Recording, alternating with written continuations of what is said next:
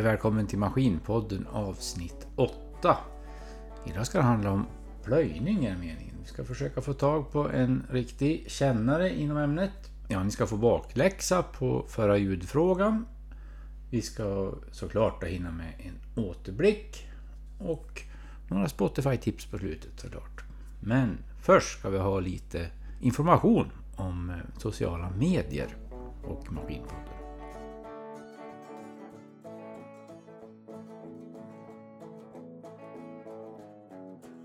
Då var det kontaktvägar till Maskinpodden på sociala medier.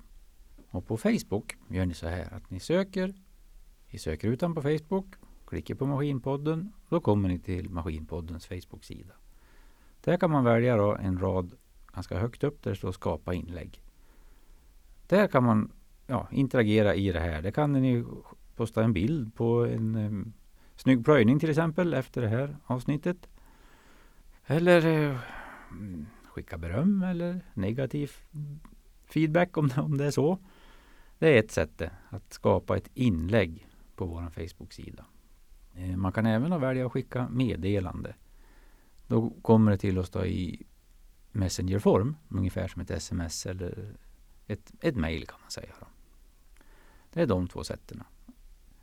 Och när man ska delta i ljudfrågan i tävlingen där, då går man på det senaste avsnittets eh, vårat inlägg där och så skriver man sitt svar i kommentarerna. Man väljer kommentera-knappen där då. Då deltar man i, i tävlingen i ljudfrågan. Det var lite sådana praktiska instruktioner.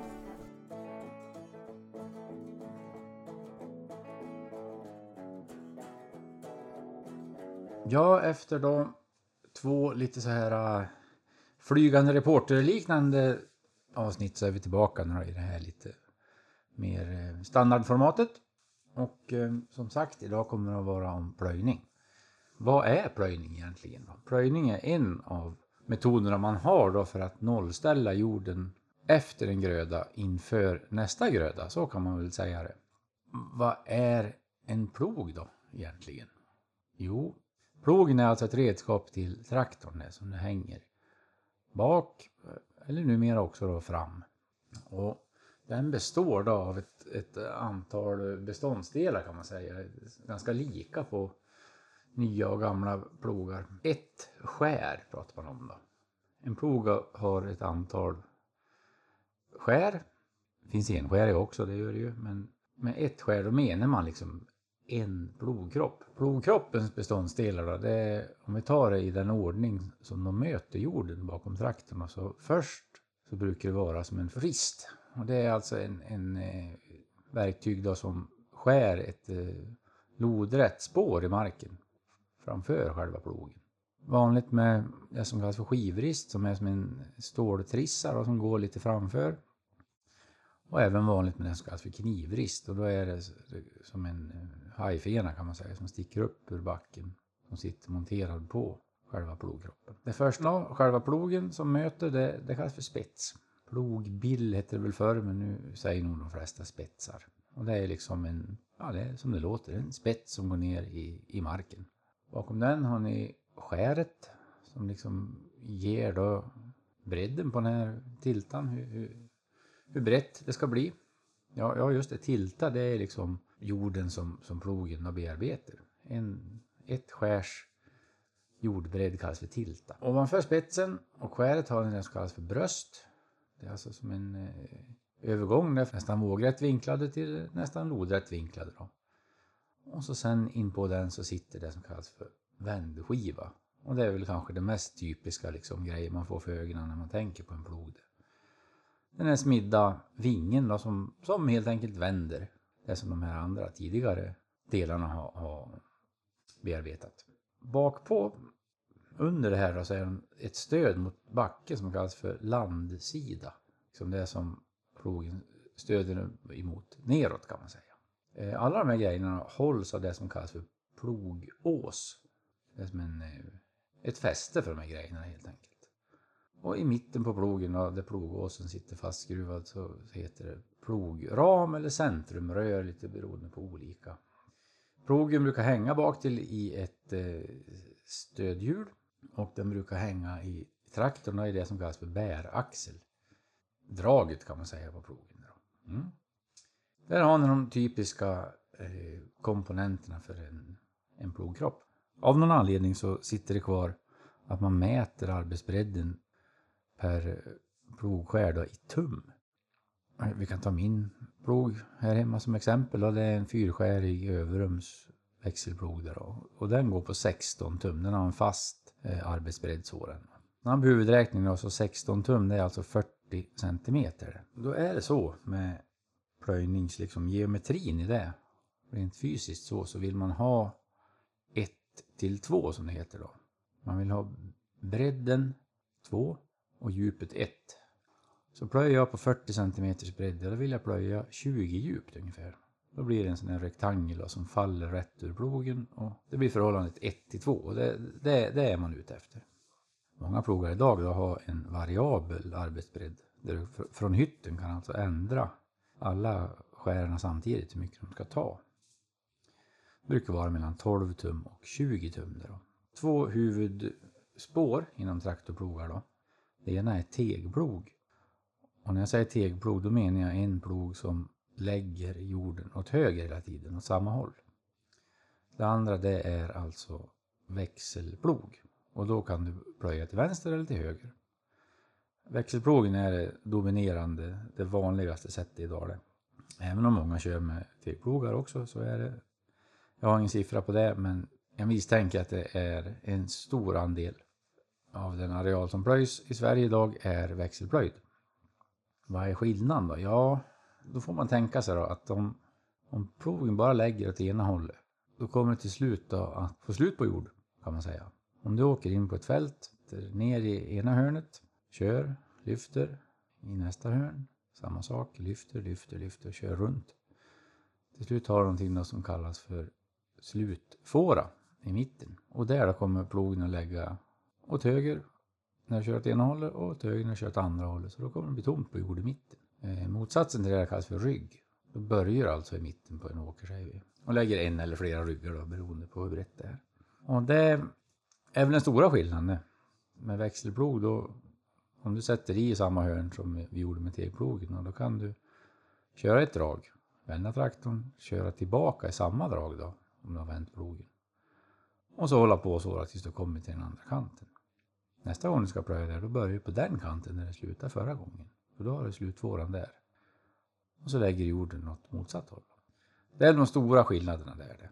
Eh, rent tekniskt så en tegplog är ju betydligt lättare, smidigare grej. Det är Växelplogen blir dubbelt så mycket gods och den blir en tung grej det att ha. Men ändå då så anses det att det dels är mycket enklare för plöjaren att göra det där. Det minskar nästa stegs omfattning kan man säga. Du behöver inte harva igen så mycket. Och, ja, den, har, den har väldiga fördelar växelplogen helt enkelt. Det är liksom ett hantverk det här. Och man, man, stora konsten då, i det här, det är ju det att få, om, om vi tar min plog igen som exempel. Då. Jag ska alltså lyckas göra ställa in den så att plog 1, 2, 3, 4 alla tar 40 cm brett. Inte 33 och 57 på nästa utan alla ska ha 40. Och alla ska ligga på 20 djupt. Att köra i en figur på åkern, det, det är faktiskt inte så svårt. Det svåra, det man kollar på, det är liksom hantverk att ställa in och lyckas så att plöjningen blir jämn och snygg. För att en stor grej med det här, det är liksom att inte skapa ogräs utan bekämpa ogräs när du plöjer. Då. Och har då likadana faror hela tiden och du vänder ner jorden helt så att det inte sticker upp någonting förra grödan då, då har du en jättebra ogräsbekämpning inför nästa. Det finns burna plogar som bara hänger i traktorn i trepunktslyften. Det finns delburna plogar som dels där hänger fram i det blir tvåpunktslyften kan man säga då och på bakre stödhjulet är ett styrande lyftande hjul. Och det finns, eller fanns, eh, släpplogar, alltså boxerade plogar helt. Som du bara drar med traktorn. Inte för traktorer som inte har, hade lyftarmar från början. Det var väl lite det jag tänkte berätta allmänt då. Eh, det har funnits väldigt många plogtillverkare genom tiderna. Ehm, de har blivit färre och färre genom fusioner och uppköp och sammanslagningar. Jag har gjort. Eh, jag vet att min farfar han var väldigt imponerad av någonting som heter Oliverplogen. Amerikansk tillverkare som heter Oliver eller Oliver, eller hur man nu säger det. Då. Det ansågs som var liksom premiumgrejen då på mitten på 1900-talet i alla fall. Eh, Medan nu då Oliver är sedan länge nedlagt. Det har blivit färre helt enkelt. Jag håller mig till det. Vi ska väl ta och göra en liten kavalkad över vanliga märken i alla fall i Europa då. På deras ursprungsspråk. Om vi tar Kvärneland då, så betyder ju Kvärn betyder ju kvarn. Så det är väl kvarnlandet betyder väl det egentligen då. Och hur, exakt hur man säger det på norska, det, det vet jag inte. Men jag, jag, gissar då på min amatörlingvistiska kapacitet här. Kvärneland. Får visa på där. Eh, sen har vi då finska Agrolux. Fiskars. Fiskars. Mm.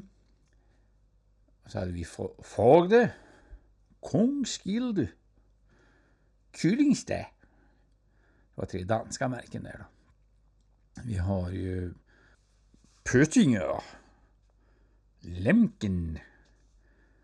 Zwei deutsche Fabrikaten. Inte illa. Kuhn. Korn. Kühn. Korn. Och Fågel und Not.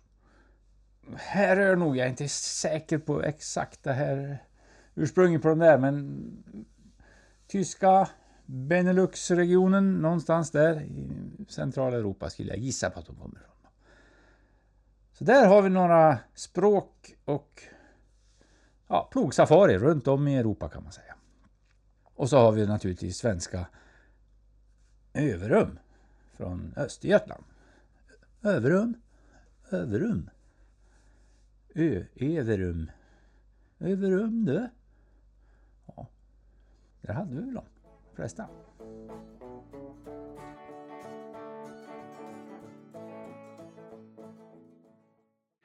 Det ska vara en återblick i ämnet plöjning.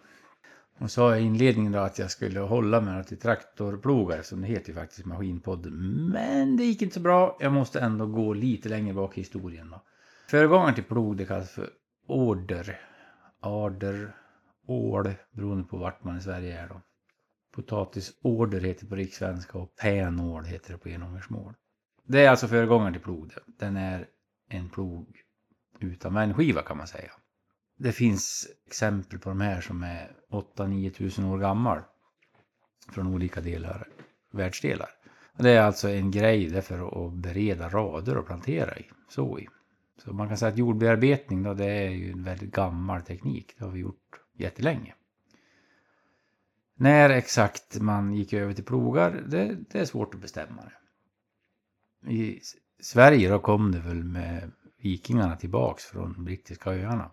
Så ungefär tusen år har vi haft varianter på plogar kan man säga. Metallplogar, det, det kom, ja om vi säger 1800-talet då. 1700-1800-talet ungefär. Mr John Deere, en känd figur i sammanhanget. Hans eh, lycka blev gjord därför att han lyckades då uppfinna en väldigt hållbar, seg smidplog som eh, klarade amerikanska prärien. När man då plöjde så hade man en draghäst eller flera eller nötdjur. då. Och sen fick ju plöjaren gå bakom och hålla i ett skaft. Hålla plogen, styra den. Kom det en sten och då fick man lyfta då. Så det, det är självklart att det här var ett tungt jobb som man ville ersätta och mekanisera såklart. När traktorerna kom, ja då var det lite olika varianter på det här då. Det ska vi ta och titta på i dagens återblick.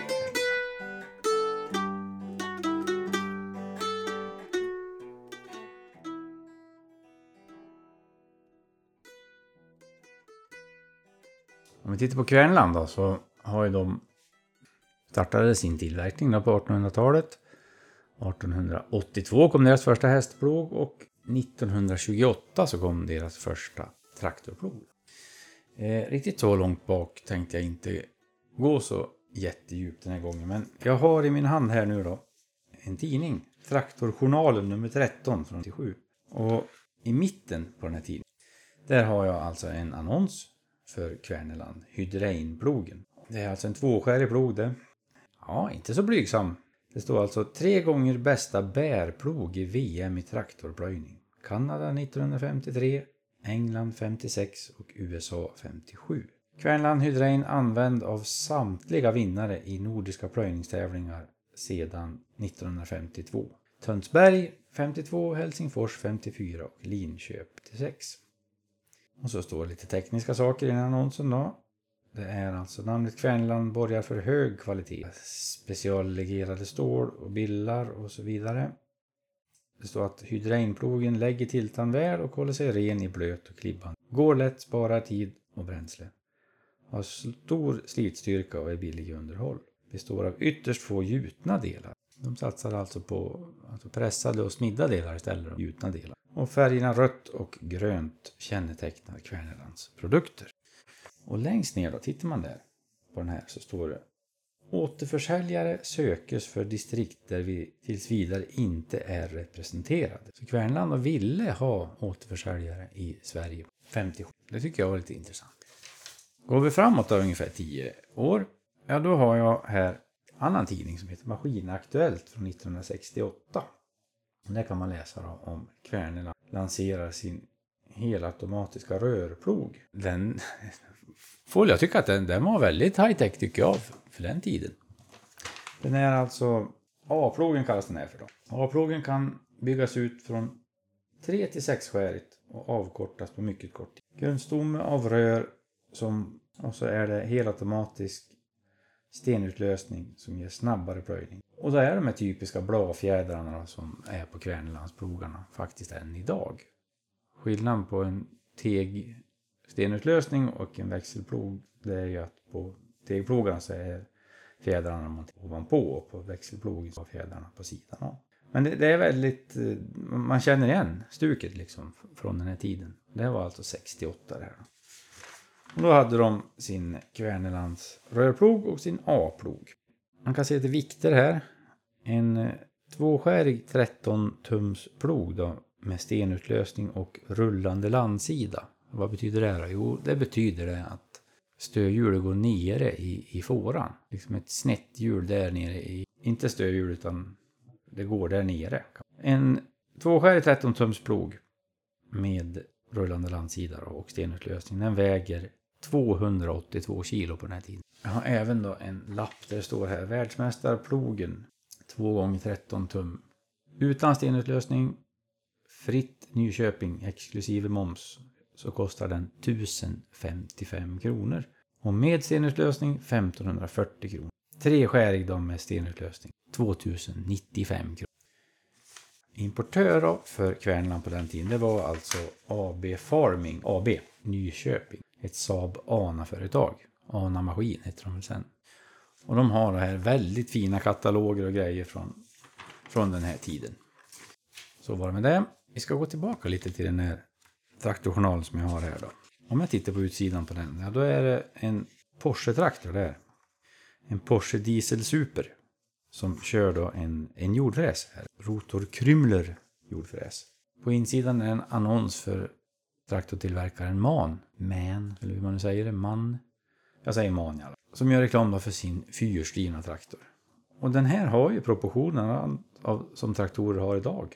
Och ett antal argument för den traktorn. Och på bilden så plöjer den här med en treskärig buren plog. MAN med fyrhjulsdrift, den rationella traktorn för lantbruk, skogsbruk och lastarbeten. Fyra hjul bromsar mer än två, fyra hjul drar mer än två och så vidare. Demonstration och tekniska data om MAN-traktorn erhåller ni av representanterna eller genom fabrikens kontaktman i Sverige. Friherre W.M. von Richthofen i Stockholm. Och de som sålde MAN på den här tiden det var alltså Motorlund AB i Malmö, Östgöta Lantmän Maskin i Norrköping, AB Nordverk, Uddevalla och Karlstad. Sundströms bilaffär i Visby för Gotland då. Bror Andersson i Uppsala. Tollers Bil och Traktor i Gävle och Knut Wiklander AB i Östersund. Vidare kan ni läsa här om Grepa halvbandsutrustning till traktorer. Nuffield lanserar en ny serie 3 här.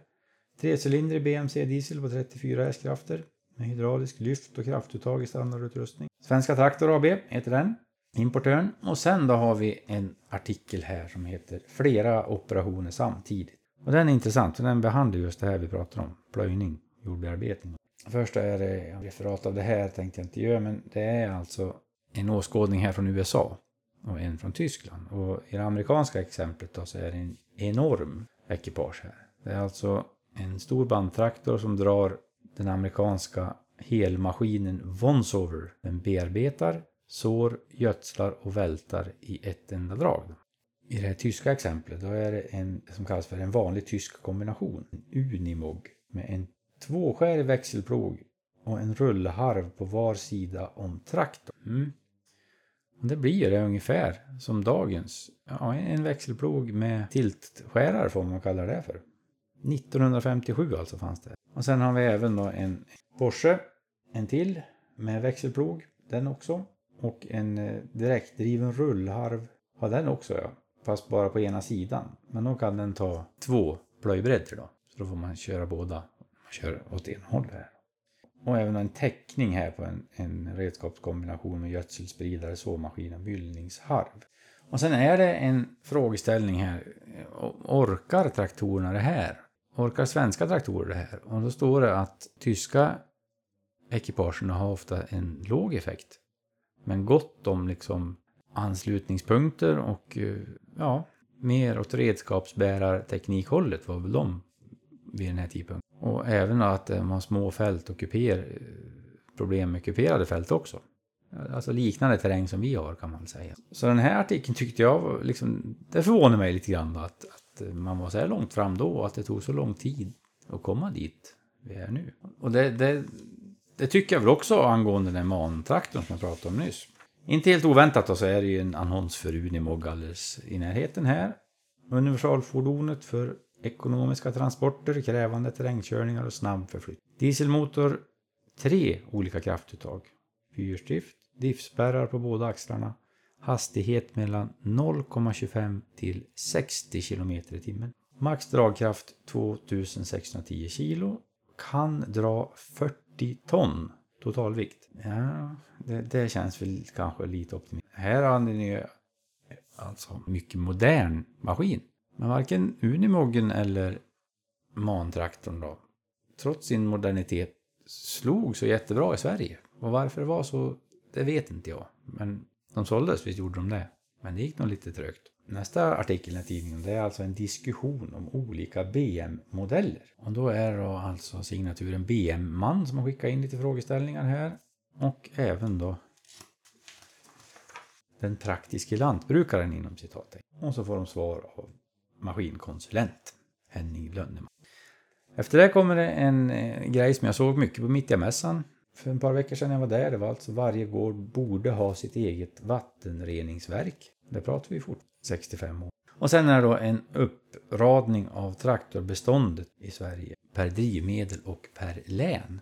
Det tyckte jag var lite intressant. Drivmedel här då, det här är alltså en statistik där som är avräknad den 31 december 1956. Det fanns 23 576 bensintraktorer i Sverige. 37 698 dieseltraktorer och 82 001 fotogentraktorer. En eldriven och 637 gengastraktorer. Det tyckte jag var intressanta siffror faktiskt. Det var Traktorjournalen nummer 13 1957. Ganska intressant. Kvernlands första växelplog lanserades 1972 och de hade en väldigt snygg, fin lösning på den som stod sig länge med sin typiska bladfjädring och lätta smidiga konstruktion. Centrumröret blev sedermera fyrkantigt och eh, byttes ut mot ett bättre vändhuvud. Och sen lanserade de en produkt som kallas för hjularbo i Sverige, alltså en variabel arbetsbredd. Och det kom först på tegplogar, men även sen då var väl de först tror jag med variabel arbetsbredd på växelplogar.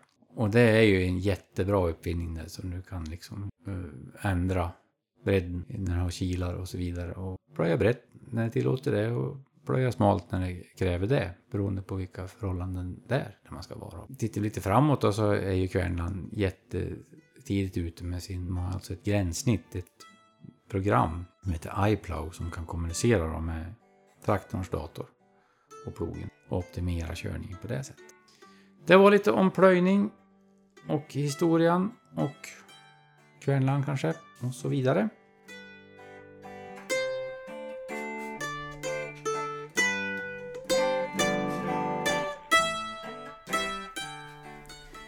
Nu ska vi prata med en plöjningsexpert. Det, den här mannen inte vet om plöjning, det, det, det existerar nog inte. Det, det tror jag inte. Här har vi en människa som har jobbat på, på global nivå med plöjning till och med. Och tävlat i plöjning och det har blivit hans yrke på alla sätt kan man säga. Så här lät det när jag fick prata med Ulrik Olsson. Ulrik pratar jag med och du jobbar på... Ja, du får berätta själv. Vad är du för en då? Ja, Ulrik Olsson, 56 eh, år. Mm. Och eh, jag jobbar på Kvännerland då. Som säljer plogar har gjort sedan 96 i princip. Jag försökte sluta en gång men eh, ja, jag fick börja igen. Ja. För en 12-13 år sedan. Och jag har hållit på med plogar i hela mitt liv egentligen ända sedan vi köpte vår första treskäriga plog här 1974 på gården. Sen har jag tävlingsplöjt i 10 år på 80-talet mest. Så det handlar mycket om plogar. Har I mitt liv. Ja, tydligt det. Ehm, ja. Berätta om det då, tävlingsplöjningen. Det, det var ett ekplog på den tiden eller? Det var ett ekplog och jag fick upp intresset på lantbruksskolan. Jag gick på Dingle lantbruksskola då eh, tvåårigt mellan 81 till 83. Mm. Och vi hade en, eh, en duktig maskinlärare där, Ingmar Hagegärde heter han. Aha. Och eh, det var så det började den första, första tävlingskontakten och sen, sen har det rullat på med VM och SM och VM. Vi har varit med på lite olika ställen. Jag har varit i Ryssland och tränat ryssar. Jag har varit på Nya Zeeland och flöjt. USA. Har du? Ja. ja hur, mm. ja, vad var din liksom eh, talang där? Vad var din expertis där? Var det något moment? Ja, ja talang eh, vet jag inte om jag hade så mycket men jag har varit alltid en väldigt tävlingsmänniska. Jag håller på idag med orientering och, och så vidare så det har varit hela mitt liv. Så jag, jag tränar nog kanske lite mer än de flesta andra också. Mm. Sen träffade jag min eh, gode vän Bengt Andersson i Lammhult och han lärde mig alla sina tricks så att säga tidigt. Ja. Och vi tränade väldigt mycket ihop eh, flera år där, mitten på 80-talet. Ja. Så det var, det var väl så det började. Ja, roligt. Det var ju, det kommer jag väl ihåg också. Det var ett stort event det där att åka på plöjningstävling. Det gjorde våran familj också när jag var liten. På, jag var då på ja. 80-talet då. Och det var jippo liksom. Ja. Tyvärr har det ändrat sig nu med åren men det var ju fantastiskt mycket publik och intresse då eh, de här åren på 80-talet och början på 90. Och vi brukar skoja om det ibland att det var ett år som Ryder Cup gick på Irland samtidigt som VM i plöjning och det var mer, mer åskådare på VM i plöjning än Ryder Cup. Så talar parallellen ibland. Ah, det här är ett jätte, jätteintresse på brittiska öarna då. Så Mm. det, var, det var stort på den tiden och vi hade ju ett VM i, på Bjärtorp i Västergötland 1976 och då var det 75 000 åskådare. 75? Det det. Oj.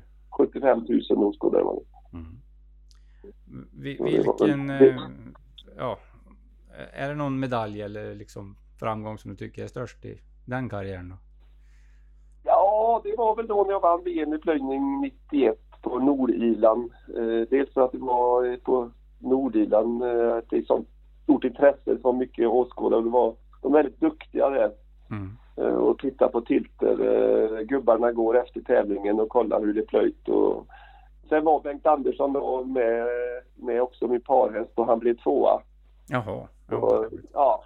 Och vi lyckades slå den här som var omöjlig att slå, Graham Whitty på, i England som hade vunnit flera VM på rad. Då, ja, det var det var det absolut bästa minnet i min plöjningskarriär. Bara gratulera då 30 år efter får, får väl jag komma med nu Ja, precis. Tyvärr är det ju så, det är så länge sedan nu så man, eh, ja, man blir väl gammal. Ja, blir gammal. Nej, inte då. Vad hade du för ekipage då? Den gången? Då hade jag en liten Ferguson och en tvåskärig tegplåg då. Mm. Tvåskärig kvälna tegplåg, en ställbar. Som vi tävlade med hela tiden på VM då. Ja. Ja. Och eh, SM gick vi också på tegplog fram till 91. Sen eh, har det varit två klasser sedan dess då. Växelplogen kom in eh, 92. Enbart växelplog skulle bli nu, några år då, men det gick inte utan då fick man gå tillbaks och köra dubbla klasser som det är idag också då. Mm. Är du funktionär eller engagerad på något sätt i det nu fortfarande? Eller? Nej, det, det har blivit eh, mindre och mindre eh, just vad det gäller tävlingsbil. Jag hade ju några år då, eh, 2007, 2008, då var jag inkopplad i projekt i Ryssland där vi skulle lära dem och introducera tävlingsbilen lära dem och, det här med tävling och, och då var jag engagerad en hel del. Mm. Men efter det är det egentligen bara det dagliga med, med kvällarna och jag åker runt och återsäljare och lantbrukare och hjälper dem att ställa in plogar och så vidare. Mm. Du ska få förklara då för oss som är inte sådär experter på tegplöjning då, men vad är en split-up-rygg? Ja, en, en split kallar man först. Det är klyvningen på svenska kan man säga. Man kör i princip ett drag och vart har lite grund så det man plöjer igenom två tunna tilter. Och sen lägger man ihop då så det blir en rygg. Det är en början kan man säga då på en teg Mm. med en tegplog. Det är ju början och sen blir det då en slutfåra på slutet då som kallas slutfåra.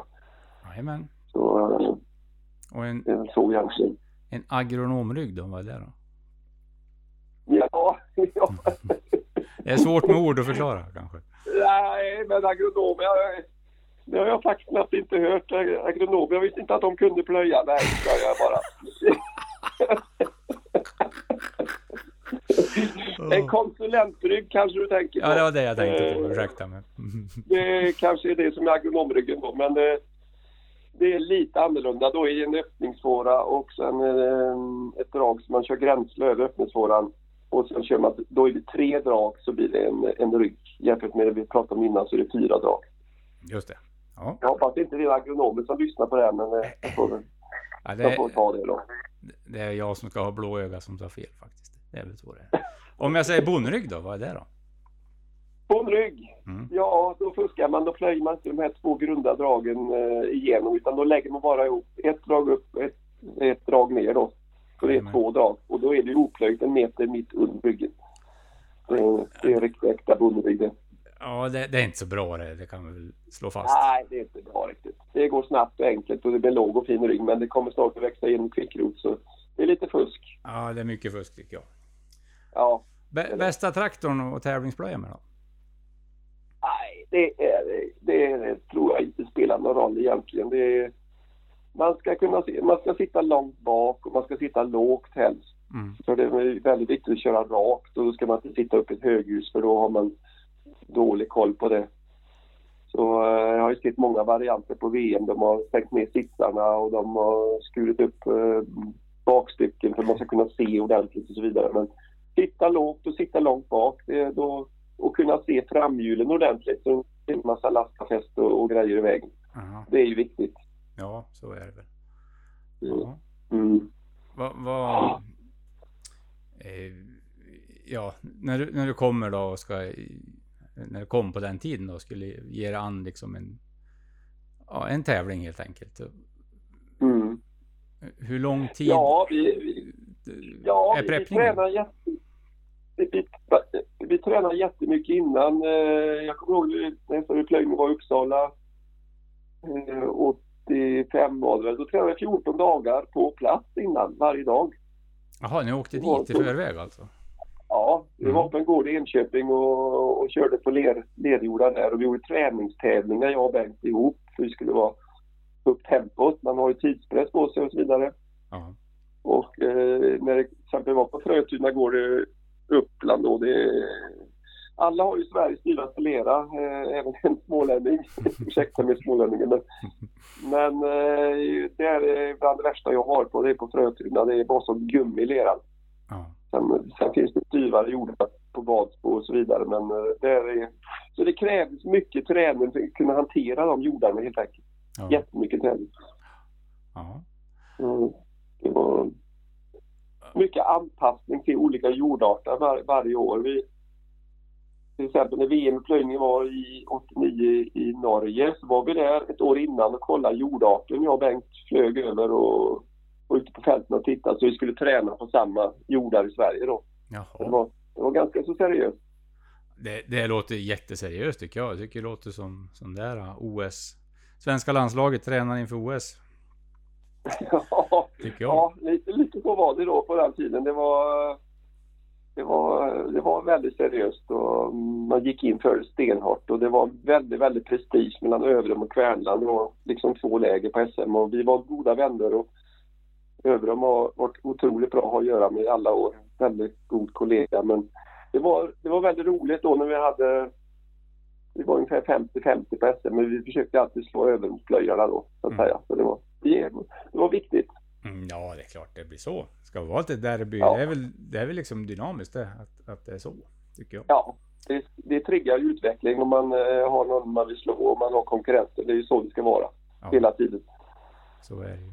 Mm. Ja, det är spännande, imponerande merit att ha varit med på, tycker jag. Att du har. Ja, det var... Det, det, det har varit eh, en väldigt rolig resa och den, även resan i Ryssland som jag var med i fyra år var också Sen fick jag träffa jordbruksministern i Ryssland bland annat och vi var nere på en stor mässa mot Ukraina-gränsen och vi gick igenom tävlingsplöjningens grunder och så vidare. Så det, det var också en resa. Ja. Det var väldigt roligt. Hur, hur gick det då?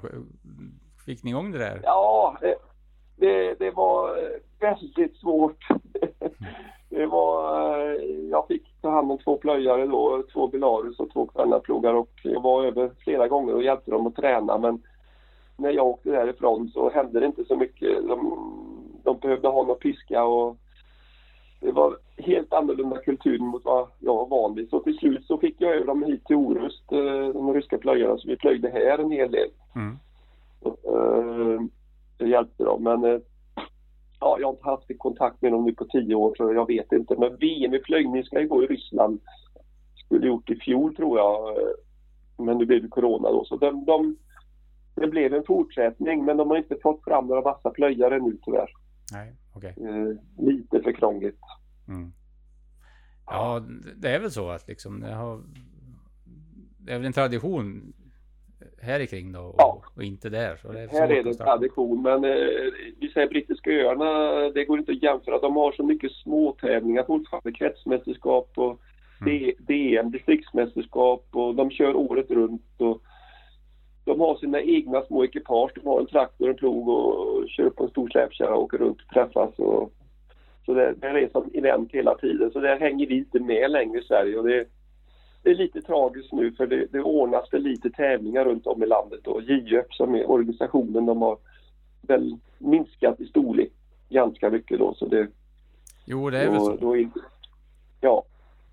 Och det är Det, det är tyvärr lite den allmänna allmänna bilden på landsbygden kan man säga med ideella föreningar och ja, det har drabbat IF också.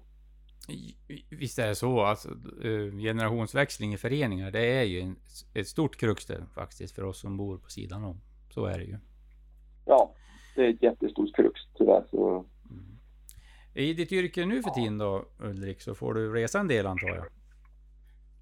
Ja, jag kör 5, 6, 7 tusen mil med bilen varje år. Jag har varit i Skåne nu. Jag har i Skåne som distrikt och Västergötland och delar av Småland. Och det är ett fantastiskt roligt jobb att komma ner på, till Skåne till de här stora godsen och komma in till småländsk bonde och sitta och dricka kaffe och hjälpa honom att ställa in plogar. Så det, ja, gud vilken fröjd. Ja, jag, jag trivs storartat med det kan jag säga. Ja, en fråga jag har till dig då. Nu, nu när ja. det börjar på att bli höst. Är du en bra bilförare när du åker förbi plöjningar eller är du lite sådär splittrad? Ja, det, ja, det är en samvetsfråga. Det är, det är väl gränsfall emellanåt kanske men peppa peppa, ja det går bra än så länge men men ibland man har 40 mil hem på en fredag så kanske man inte är den, den bästa, piggaste föraren. Men Nej, men jag menar det om du... Om, om, när du ser en plöjning, vill, du titta på vägen eller vill du titta på plöjningen? Det var så jag menar. Ja, det, om du frågar min fru så finns det ju bara ett svar på det. ja, jag förstår. Har det hänt att du har... vägen. Har det hänt att du har stannat och berömt någon fin plöjare? Eller motsatsen då, skällt på någon som har gjort fel eller? Nej, jag skäller inte på dem som gör fel, det kan jag säga. Men jag, jag har berömt flera stycken som jag... Det var inte så länge sedan eh, jag var utanför en gård i Lidköping och, och jag skulle komma ut och hjälpa dem att ställa in en plog och det låg så fantastiskt fint och jag sa ja det är lika bra jag åker direkt för det är den finaste plöjningen i höst jag har sett sa jag. Och han blev väldigt, väldigt glad den lantbrukaren. Ja, det, det glömmer nog den personen aldrig, tror jag. Nej, så det var väldigt roligt. Men tyvärr är det väl så att de som är intresserade och det ser rätt skapligt ut redan, de vill ju att det ska komma, jag kommer och det blir ännu finare. Och de som inte riktigt bryr sig, ja, Mm. de frågar inte heller. Så det är väl så, om man ska vara helt ärlig. Vad vad är... Men eh, Ja, men om du kommer till en kund och ska göra det här.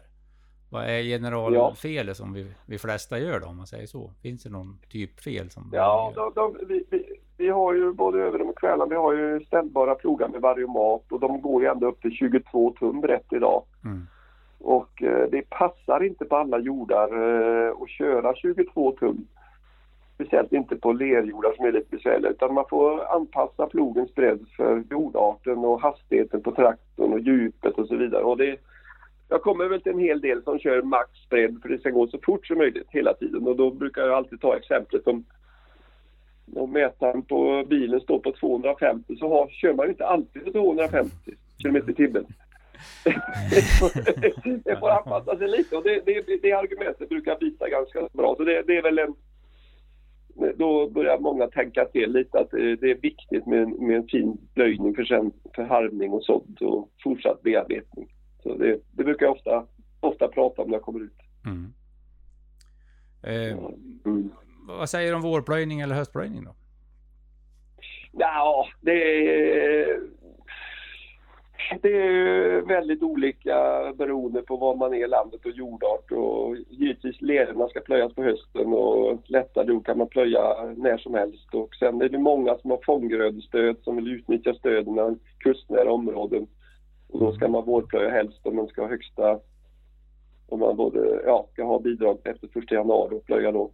Mm. Och, ja, det finns många, men ekologisk odling tycker jag väl. Jag har själv provat det lite grann. Att plöja sent på våren precis innan sådd om man hinner då. Det är ju absolut bästa effektivaste sättet mot rotogräs. Plöja djupt innan sådd sent. Mm. Då, då, då, då gör man snyggt vid kvickroten skulle jag vilja säga. Mm. Ja, jag, sitter, jag sitter och nickar här som inte syns, inte hörs. Ja, det gör det. Ja, det var roligt. Då, då, då är du med på det också. Ja, det håller jag med på. Det tycker jag, det tycker jag är bra. Eh, kan du förklara vad som händer med jorden om man plöjer nu på hösten och, och ska vårbruka till våren? Eh, Ja, det, det, det, fördelen på hösten, det, om man plöjer lättjord på hösten, det är att han, att han sätter sig på, på, på, under vintern. Han sjunker ihop. mm. Och när man ska ut med harven på våren så blir det lättare att harva helt enkelt. Det, det, en vårplöjd lätt jord och så kör ut en harv kanske med lite dåliga ljud. Det går fruktansvärt tungt. Ja, det Och det blir mycket spår efter traktorn och man får harva igen spåren och grejer. Alltså man, ja, ur den synpunkten så är det bra höstplöja för då, då är det väldigt lätt att bearbeta på våren. Både på, både på lättjord och, och styv lera Mm. egentligen när man frusit sönder. Så det är väl det då. Men många har ju mycket gödsel som ska ner och, och köra på med en stor gödseltunna på tilterna på våren. Det är ju inte så jätteroligt utan då är det ju bättre att göra det innan plöjningen. Mm. Så där har vi en aspekt till. Många behöver ta hänsyn till. Det är så. Det är liksom Ja. för, förlopp och individuella eh, anpassningar. Ja. Det. Det är olika för varje gård egentligen vad som, vad som gäller helt enkelt. Ja. Här i Mm. Gävleborg då, där jag sitter, i, i Hälsingland, är det ju väldigt... Ja, vad folk från södra Sverige tycker är väldigt lätta jordar då. Och då, då Ja. passar det väl kanske då med, med både och. Ja, det gör det. Jag, jag har rest på Norrland i tio år också, även om det är södra Norrland och det du håller till. Men det är ju som regel lätta jordar i hela, hela Norrland. Och det, Mm. En hel del struktursvaga jordar, mjäla och ja. Oh ja, Men det går ju ofta att vårplöja dem bra. det är så. Eh, Personligen tycker jag Ja, är ofta att... kalla, kalla jordarna och kan man plöja och få in lite värme och så det torkar upp lite snabbare och Ja, det kan ökar det. kapillaliteten. Mm. Nu då när jag pratar med Mm. mästerplöjare kanske man kan säga så här att jag, jag personligen då, jag tycker det är svårt att lyckas med vårplöjning av vall. Ja. Därför att svåren är är ju så styv och stri liksom. Men det kanske du har Ja, något... och, och sen fordrar du kväve för att bryta ner vallen. Ja. Eh, och då är det svårt på våren att veta hur mycket kväve som går åt eh, till, till nedbrytning och sen ska grödan ha kväve. Och, så det är ju lite krångligare på det viset. Mm. Det- man kan ju faktiskt misslyckas lite lättare kanske på våren med, med skörden eh, man har en rejäl vallsål. Men många kanske kör sönder den om man får lov eh, på hösten och om man inte har fånggrödestöd. Men jag tror inte ni har det Nej, i Hälsingland. det är inte så. Nej. Kanske man kan eh, eh, köra sönder vallen på tallriksarv eller kultivator så man börjar nedbrytningen på hösten. Ja, det var ett köra bra tips faktiskt. Ja. Ja. Så det kanske inte går så mycket kväve då på våren för att bryta ner den. Nej. Nej, det, det, det var ett bra knep. Det ska jag fundera på faktiskt. Man ska kunna ta Mm, prova det lite. det. Ja. Eh, Ja. du ska få vara parlör här åt oss som inte är så jättebevandrade i Kverneland-sortimentet. Ja. Om vi säger så här då, att jag har råkat köpt någonting och vet inte vad det är. Och så ringer jag till dig och frågar. Hör du, nu har jag köpt en packomat. Vad är det? Vad har jag köpt då? Mm. Då har du köpt en integrerad tillpackare. Mhm. Eh, Då skruvar man fast en arm på frontstycket på plogen och så sitter det rulle på. Och så packar man jorden egentligen samtidigt som man plöjer då. Packar och sönderdelar ytan. Det kanske, ska, det kanske är lika viktigt att säga att eh, på lera fungerar en packomat lika bra som på en lättjord. För den, man, får, man skär i tiltan. Så, Mhm. så torkar den jämnare och lättare i mindre bitar. Så Det är det som är syftet med packomaten. Ja, just det. Kan man säga att man släpper ner eh, vätska som kärlen ska luckra och spräcka också i jorden? Kan man säga det? Eller är det tvärtom med packomat? det vet jag inte men eh, det viktiga är, ofta är ju det är viktigt att få ner en, en lite styvare jord, små bitar så fort som möjligt. Mm. För sen eh, om det blir stora bitar då, då är det, och så torkar det så fort, då är det svårt att få sönder det med en harv till exempel. Ja. Och då gör packomaten det underverk där för den, den, den skär i tiltan så det blir mindre bitar sen att bearbeta helt enkelt. Ja, mm, bra. Och det är det som är med tanken med den. Och vilken plog sitter det här på då? Går det på alla era? Det går i princip alla plogar utom vanliga delburna. Där har vi bara boxerad packat till dem. Men i princip alla burna plogar Mm. kan vi ha en integrerad packomat idag. Jajamän. Om jag köper en ekomat då, vad har jag då köpt? Ja, då du, eh, kan du ha en packomat också på. Men då är det en, en grund plog kan man säga. Det är mindre vändskivor. Ja, Eh, så man ska egentligen inte ner på en 15-17 centimeter djup. Där fungerar den här vändskivan allra bäst. Mm. Och så är det en lite lättare plog helt enkelt. Så en, en femskärig vanlig, eh, när man jämför på hydraulen, åttaskärig ekomat klarar man lyfta. Så det är en hög arbets... Jaha, ja, då. Den är bredare. Han går Samma ganska lätt alltså. Ja, det gör den. Ja. Och vart i vilka odlingar och jordar rekommenderar du den på då? Ja, det, det är ofta kanske på lätta och lite medelstyva jordar. Mm. Eh, Det är olika tankar. En del vill plöja djupt och en del lite grundare. Så det, det är också individuellt på olika gårdar vad man, hur man har tankesätt. Ja. Så, eh, man gör ju inte lika bra bearbetning kanske som en plog. Plöjer ju inte ner eh, rotögat så djupt och så vidare. Men eh, en del vill inte ner så djupt helt enkelt. Nej. Och då passar det här väldigt bra. Mm. Ja, det låter ju alltså i, i, tiden där när olja är dyr och så vidare. Låter som en, en, en vettig grej tyckte jag då, kanske. Ja, vi har flera som kör med den som är väldigt nöjda. Ja, Mm. Eko, ekoodlare bland annat. ja precis. Ja, intressant Mm. med, med produkter och utbud där. Om, om Ja. jag säger 160 då? till en Kvärnland-expert. Vad säger experten då? Ja, 160, det enda jag förknippar det, det är med ländhuvud 160. Annars har vi en plog som heter 150, men jag vet inte vilket du menar. Nej, då tänkte jag på vändhuvud faktiskt. Då. Ja, det är bra. Den, eh, det var vändhuvud, ett mycket starkt vändhuvud som kolven ligger på framsidan vändhuvudet Mm. mot traktorn. En liten kort kolv och den, det hade vi fram till år 2000 cirka. Mm. Mm, och sen gick vi över till vändhuvudet 200 efter det. Mm. Som är fortfarande idag på en hel del plogar. Just det. Så, Mm. Och, och så säger jag till dig då. EG, vad är det då? Det är inte Europeiska gemenskapen utan det är en, en plogtyp jag är ute efter. Nej. Det är en eh, riktig proffsplog. Det är en fullvariomatplog kan man säga. En, eh, det är en variomatplog, en, en tung eller tyngre kraftig plog med ett stort vändhuvud, 300 vändhuvud Mm. med traktorer på en bit över 300 hästkrafter. Den heter inte EG idag utan den heter 3300 den plogen. Jaha, okej. Och, e- och egen hade vi fram till 2000, ja nästan till idag, 2018, 2019. Men nu är den ersatt med en liten, en annan modell. Mhm. Ja. Den, den hade en livslängd på ja, 30 år, EG-plogen. Så det var en fantastiskt fin plog. Jaha, det, Såldes mycket i Västergötland och Skåne, just Mm. EG-plog. ja. Har du en EG kanske? Tyvärr måste jag säga att jag har en plog som modellen börjar på X och slutar på L. Ja, Det är en blå plog alltså. ja det är en bra plog. Ja. Det Ja, går att plöja med dem också. ja då, det, det, det tycker jag. Det tycker jag. Men Ja, jag har alltid varit svag för Kvärnland för det är liksom en smäckrare, lättare, smartare plog om jag ska vara ärlig. Har jag alltid tyckt att det var. Ja, vi, vi har ett, ett riktigt, riktigt stort plus och eh, det är att allting är hädat.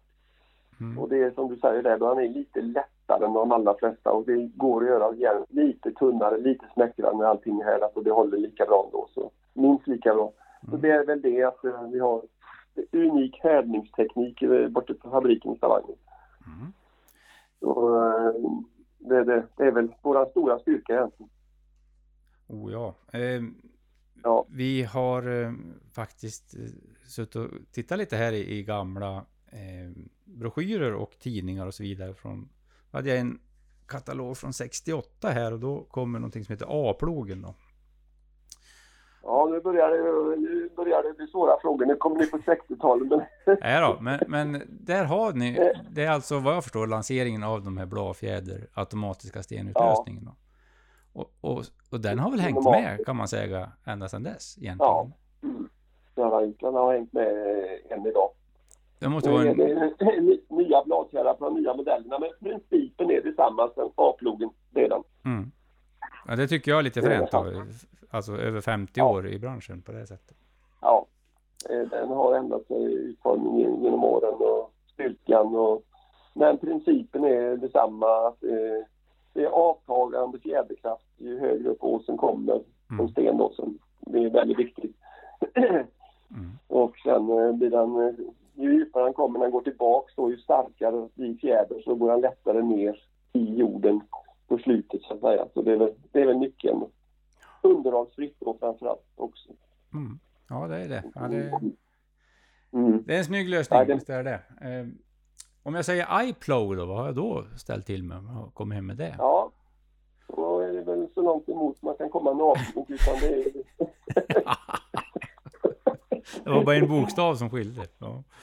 Ja, det var en bokstav ja. ja nej, det är en isobussplog då som snart är på varenda redskap med eh, ja, sitter sensorer och kretskort och man gör alla inställningar i princip från hytten. Tillträdd, Mm. vändningen och man ser hur många grader plogen vänder och man ser hur djupt stödhjulet om det ligger på 19 eller 20 centimeter. Det kommer upp en display till exempel. Ja. Och arbetsträningen kommer upp digitalt med. Så det... Och även rakheten, upp med en GPS-antenn på traktorn och så håller den sig rak hela tiden. Mm. Så det är lite fuskigt om vi pratar tävlingsplöjning. Ja, det, hur, ligger du till mot för datorn då? Har du, har du kollat det eller? Ja, alltså, RPK har ju 2-3 centimeter men jag kommer ihåg en annan en, eh, svensk världsmästare, Karl-Olof Hedstad i Enköping, när han vann 78 så sa han det till journalisten. Journalisten frågade hur, hur mycket kan man kröka på 100 meter i öppningsfåran så att ögat inte ska uppfatta att det är en krok. Då sa, svarade han 2 centimeter. Oj. Krokar kan jag inte köra på en 100 meter sträcka. För sen, eh, sen uppfattar ögat det som en krök. Här Då är väl det eh, mänskliga ögat och RTK, det är väl på samma nivå då. Ja, ja, ja visst. Vad blir det? Två, Två promille? Nej, Två centimeter. ja. Ja, det, det är otroligt rakt. Det är vansinnigt rakt faktiskt. Det är det. Och det, det, det är väl kanske att sätta upp tre pinnar, de som står så exakt. Eh, eh, köra efter pinnarna, det är ju en sak, men, eh, men att hitta... Ja, att pinnarna står så rakt, det, det är det som är det svåra helt enkelt. Ja, så är det ju. Så är det Ja. ju. På millimeter nästan. Jaha. Ja, Ja, häftigt hör du. Om jag ska justera en M20-skruv, vilken verktyg ska jag ta med mig då? Vet du det? Nej, då har vi våra stora... Vi har två nycklar på plogarna. har varit med sedan, sedan A-plogen, Ja. vill jag tro. Det är den stora då? 19 millimeter, 19 millimeter i ena änden och 27 i, i andra änden. Och på den lilla nyckeln och den stora så är det 27 i ena änden och sen är det 30 i den andra. Men det är den 27 då. Ja, det är väl det. Och vad sa du, en M20? Jag tror det är M20 på övre, men det är väl kanske M18 förresten på, på kvällen. Ja, M20 kan det vara, eller också M24. Ja. Och eh, en M24 ska dra med ungefär 1000 newtonmeter. Och Ja, då är det ju, det du, det, den stora nyckeln, är ju en meter lång. ja, Och en meter lång då, så 100 kilo där ute, då är det 1000 newtonmeter. ja. Och det En, en 100 kilos gubbe drar så mycket han kan så har man dragit rätt moment. ja, och, och, har det det som krävs där då?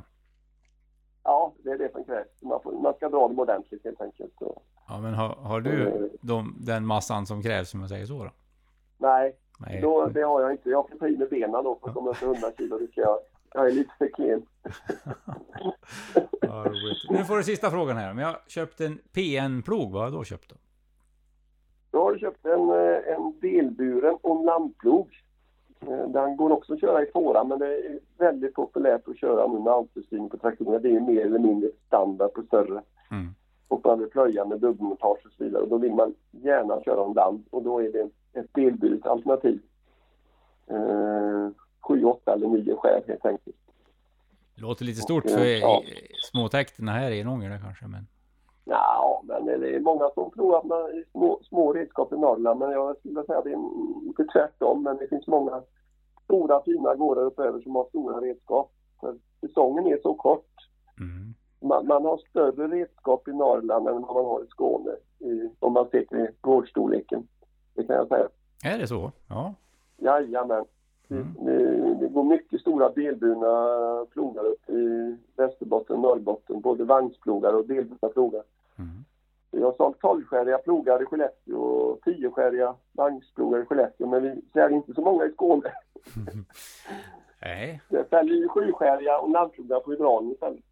Jaha. Och det, det har nog att göra med det att, att säsongen är så kort längst upp. Så då, då har man bara några, några dagar på sig mellan tröstning och, och snön helt enkelt. Ja. Men Mm. alltså en sjuskärig buren plog, sa du det? Ja, Oj, alltså det... det är, en väldigt vanlig modell. Vi, vi säger de stora gårdarna i Östergötland, Östergötland och Skåne och ja, på många andra ställen. De, de väljer hellre en stor buren än en delburen plog. Mm. På grund av att han är så smidig att hantera. Och Ja. traktorerna är så starka idag så det, det, de håller hydraularmar och baklänkar. Förr i tiden så var det si och så men idag händer ingenting. Nej. Och man kör gärna buret. Ja, men alla tappar och grejer har liksom en extra grov variant Ja. på de där stora då. Men det, det håller. Det Det gör är det. helt otroligt. Ja. De här 300-hjulen vi har på de stora sjuorna, det är, jag tror aldrig jag sett något sånt har gått sönder helt enkelt. Det, det har säkert gått sönder någon gång som inte jag vet men de, det är helt otroligt att det håller helt enkelt. Så det, det, det blir de plogarna oftast. Mm. Dragburna, stora. Ja, det känns som en... Ja, det är eh, lite fascinerande. Ja, det var vi ser även det på, vi ser även det på slottersidan på Butterfly. eh, De stora trippelkombinationerna, det blir ju hydraulburet Mm. och det går inte ombogserat. Så De är så starka och smidiga traktorerna idag så då, då Ja. köper man hydraulburet. De är ju det. De är ju det. Ja. Ja, nu kom vi in lite på det övriga sortimentet på Kvärnland. Det, det är väldigt komplett fabrikat det idag. använda. Vi har det mesta i redskapsväg helt enkelt. Eh, Vi, har, vi, har, vi säljer hälften jord i Sverige, jordsidan och hälften är på vall. Ja. Vi säljer mycket slåtterkrossar, strängläggare och, och så vidare. Och de, den fabriken ligger i Danmark, gamla torvfabriken. Och Mm. storfabriken ligger i Norge. Och sen har vi andra fabriker i Europa med, med kultivatorer, såmaskiner, slagersklippare och valpressar och ja, det mesta faktiskt. Det, Utom, jag har inte traktorn ännu då. Men inte än Nej. Nej, inte än. Vi, har, vi ägs ju av Kubota sedan några år tillbaka. Så man, man vet ju aldrig. Men, men, den, men man kommer ju aldrig heta Kvänland givetvis, en Kubota-traktor. Men eh, nej, det kommer nog vara så ett antal år framöver. Ja. Jag. Har du varit i Japan? Nej, tyvärr inte. Nej. Inga, ingen. Plöjnings-VM där än eller? Nej, inte jag. Jag har varit i Nya Zeeland och plöjt med ryssarna då när jag tränade dem. Och som sagt jag har varit i Iowa på ett VM där. Det, det, det har varit längst bak till Ryssland, men inte Japan.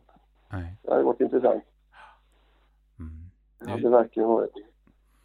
Du, det var jätteintressant att tala med dig. Jag skulle kunna sitta här hela eftermiddagen, men eh, jag tänkte vi skulle försöka knyta ihop säcken lite grann här. Om, Ja. om vi tänker på framtiden då? Mm. Vad säger du då? Vad tror du om plöjning? Ja. Om vi håller oss till det då, enskilt. Bara plöj, metoden att plöja åkrar, vad tror du om det?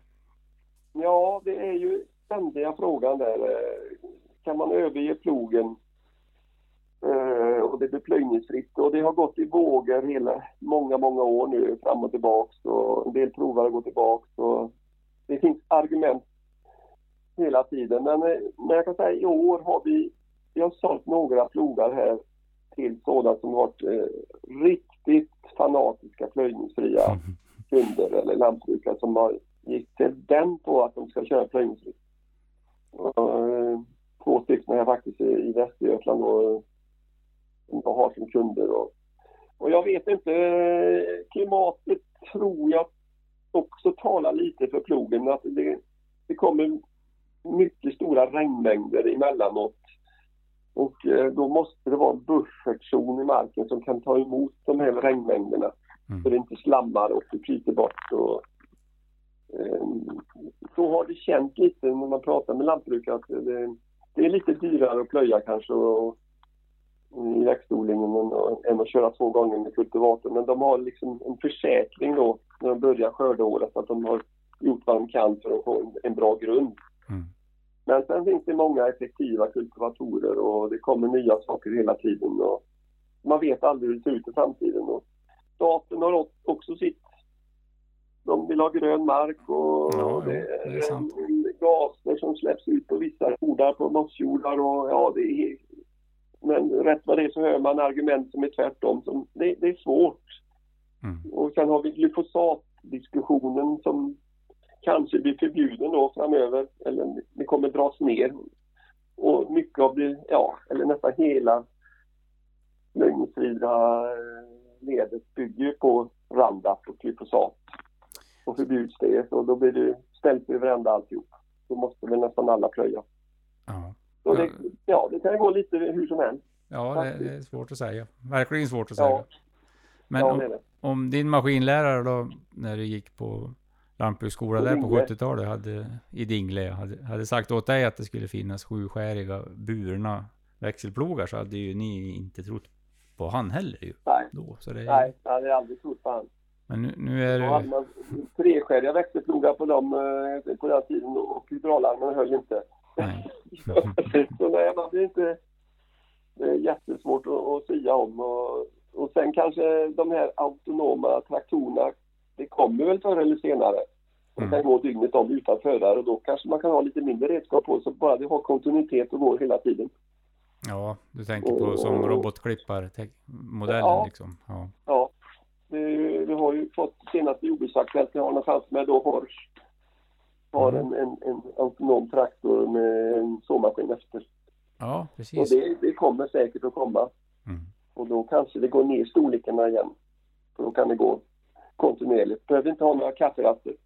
Nej, de, de är ju effektiva, man måste ju säga det. Ja, ju. de är effektiva. ja vad, vad tror du Ja. om storleken på gårdar och så vidare då? Ja, det har jag ju sagt länge nu att gårdarna kan väl inte bli större och redskapen kan inte bli större men det blir de ju bevisligen större och större. Ja. Så det enda är ju att fälten blir ju inte större. Nej. Så, så i de här byggnaderna som jag bor i då i Bohuslän och det är ju lite krångligt tyvärr för lantbrukarna att expandera för det blir så långa transporter och det blir, det blir små fält som ska arrenderas långt bort och så vidare. Så det, det, det är ju lättare på slättbygden då att få stora enheter. Jo, så är det. det. Det är väl olika i olika bygder mm. helt enkelt. Men allting tyder på att vi ska fortsätta bli större. Större ja, enheter. Ja, nej, det är väl riktigt stora enheter och så någon sorts eh, groende riktigt små gårdar tycks ju ja. finnas en framtid mm. för också då. Men de här mellan ja. familjegårdarna verkar tyvärr då vara var lite kämpigare för kanske. De som det fanns så gott om för 30-40 mm. år sedan. Eh, 30-40 år sedan, det är ju som Norge har idag. De, de, de satsar fortfarande familjejordbruket. Mm. Och det är rationaliserat där också men det är ju en otrolig skillnad i Sverige. I Danmark också är ju ännu, ännu större enheter. Ännu rationellare där ja. Ja. Mm. ja. De har ännu större eh, gårdar. Genomsnitt eh, kor per, per, per gård är ju större i Danmark och de har större genomsnittstraktor och, och så vidare. Och så vidare. Så det, det har rationaliseringen gått ännu fortare. Mm. Men, eh, mm. Nu tänker jag på, du pratar mycket om Nordirland där i inledningen. Hur, ja. hur är det med det här där då? Liksom, för där kan man tänka mig att det finns en kuperad terräng och trångt och, och så vidare. Ja, de har ju sina häckar och de har sina stängsel och, och gärdsgårdar överallt så det är inte heller så enkelt att göra men eh, jag vet faktiskt inte hur, hur det är på Irland och Nordirland men de har ju väldigt mycket gräs. Mm. Eh, det är den gröna ön på alla sätt. Det är ju den gröna ön och de har inte de här spannmålsgårdarna kanske enbart som ska rationaliseras och man ska sköta 500 hektar på en helg ungefär. Mm, ja. På en spannmålsgård i Sverige, det är lite överdrivet men eh, en, en, en 300 hektars gård i Västergötland, den, det är inte ett heltidslantbruk utan det är ju då har man ju ett fulltidsjobb och sen sköter man det på helgen och kvällarna. Ja men det, det är synd det ja, tycker det är jag. Roligt, men det, det är inte ovanligt alltså. Men jag vet inte hur det ser ut där borta riktigt, det ska jag ärligt säga. Men jag tror inte det, det är inte som i Sverige riktigt. Nej. Ja. Mm. Ja, vi får väl se.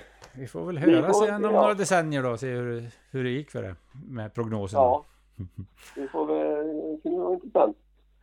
Ja. Det var jätteroligt att prata med dig och stort tack för att du var med i, i våran podd. Ja, tack själv. Tack, hej. Hej.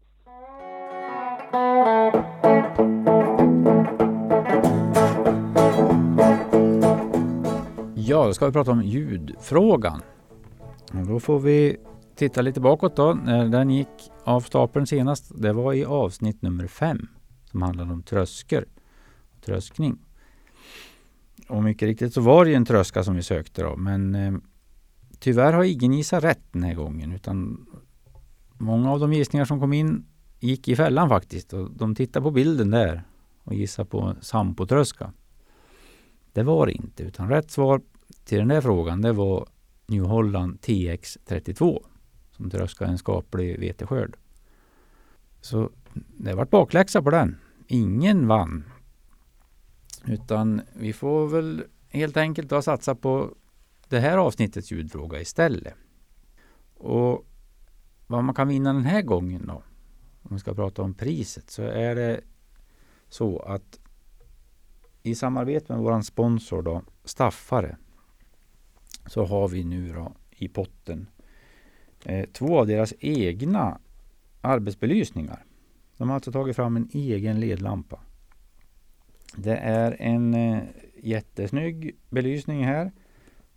Om jag tittar i faktarutan så är det alltså sex stycken high power dioder, alltså totalt 60 watt blir på den då. Den har lumental på 5400 och Kelvintalet då, eh, ljusfärgen, det är mellan 5500 och 6000 Kelvin. Du kan köra den här på 10 till 36 volt, alltså på ja, 12 volt eller 24 volts maskin, det spelar ingen roll. Den är en rejäl grej tycker jag med aluminiumskal med kylflänsar. Den har en okrossbar lins. Den har alltså IP-klass på IP69. Och den har en tysk kontakt tvåstift. En förväntad eh, livslängd på 50 000 arbetstimmar. Då. Ganska länge, tycker jag. Så två sådana här har Staffare ställt upp till ljudfrågan den här gången. Då. Och ljudfrågan den här gången den låter så här.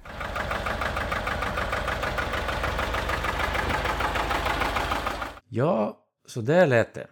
Och som vanligt då så frågar vi efter fabrikat, modell och årsmodell. Det är väl ett, en motor som vi har ja, pratat lite grann om bara. Inte varit jättedjupt inne och pratat i idag men som har varit med i det här avsnittet kan jag säga då, som ledtråd. Och hur svarar jag på det här då? Jo, då går jag in på Facebook. Jag letar reda på den här ljudfrågan och jag skriver mitt svar i bildkommentaren där. Kommentera där. Så då är ni med och tävlar om den här fina belysningen från Staffare. Lycka till, kör hårt, gissa hej vilt.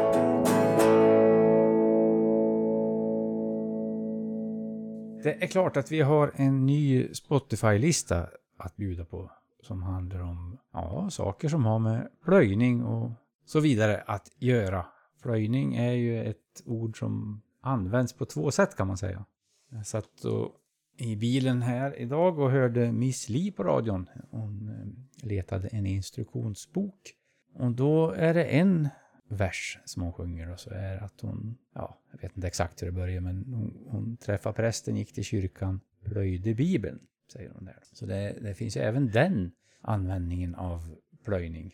En eh, kollega eh, brukar prata om att plöja snö och ploga åkrar. Och det säger han ju mest för att reta mig. Då, men det tycker det jag är fel i alla fall. Men språk är ju ett relativt begrepp som många använder som sitt eget och det, det ska man göra tycker jag. Hur hittar jag då Maskinpoddens Spotify-tips? Jo, då gör man så här att då tar man sin Spotify-app i sin mobil eller annan mediaartikel och i varje fall på min, alltså mitt i längst ner där så har jag en, ett eh, förstoringsglas där det står sök. Ja, när man har sökt på Maskinpodden då kommer den här podden upp, avsnitten. Men, i varje fall i min app då, högst upp under sökrutan där så står det poddar och program, det står avsnitt, det står spellistor. Om man klickar på spellistor där, då, då, får man våra förslag som vi tipsar om här då, med låtar som har relation till ämnena vi har pratat om. Där ligger de på raken där. Och nu då finns det även då den här ah, plöjningslistan ska finnas där också. När man letar där. Och såklart ska man naturligtvis då gå in och lyssna på tidigare avsnitt om man har missat något. Det rekommenderar jag att göra för er som har hittat till det här nu. För det, det kommer ju nya lyssnare hela tiden här. Hör av sig på olika sätt och, och så vidare. Gå gärna tillbaka och lyssna. Det är ganska intressanta avsnitt som är inpratade tidigare.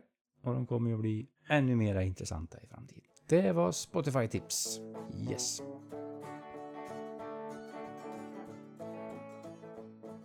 Ja, det var vad vi hade att bjuda på den här gången.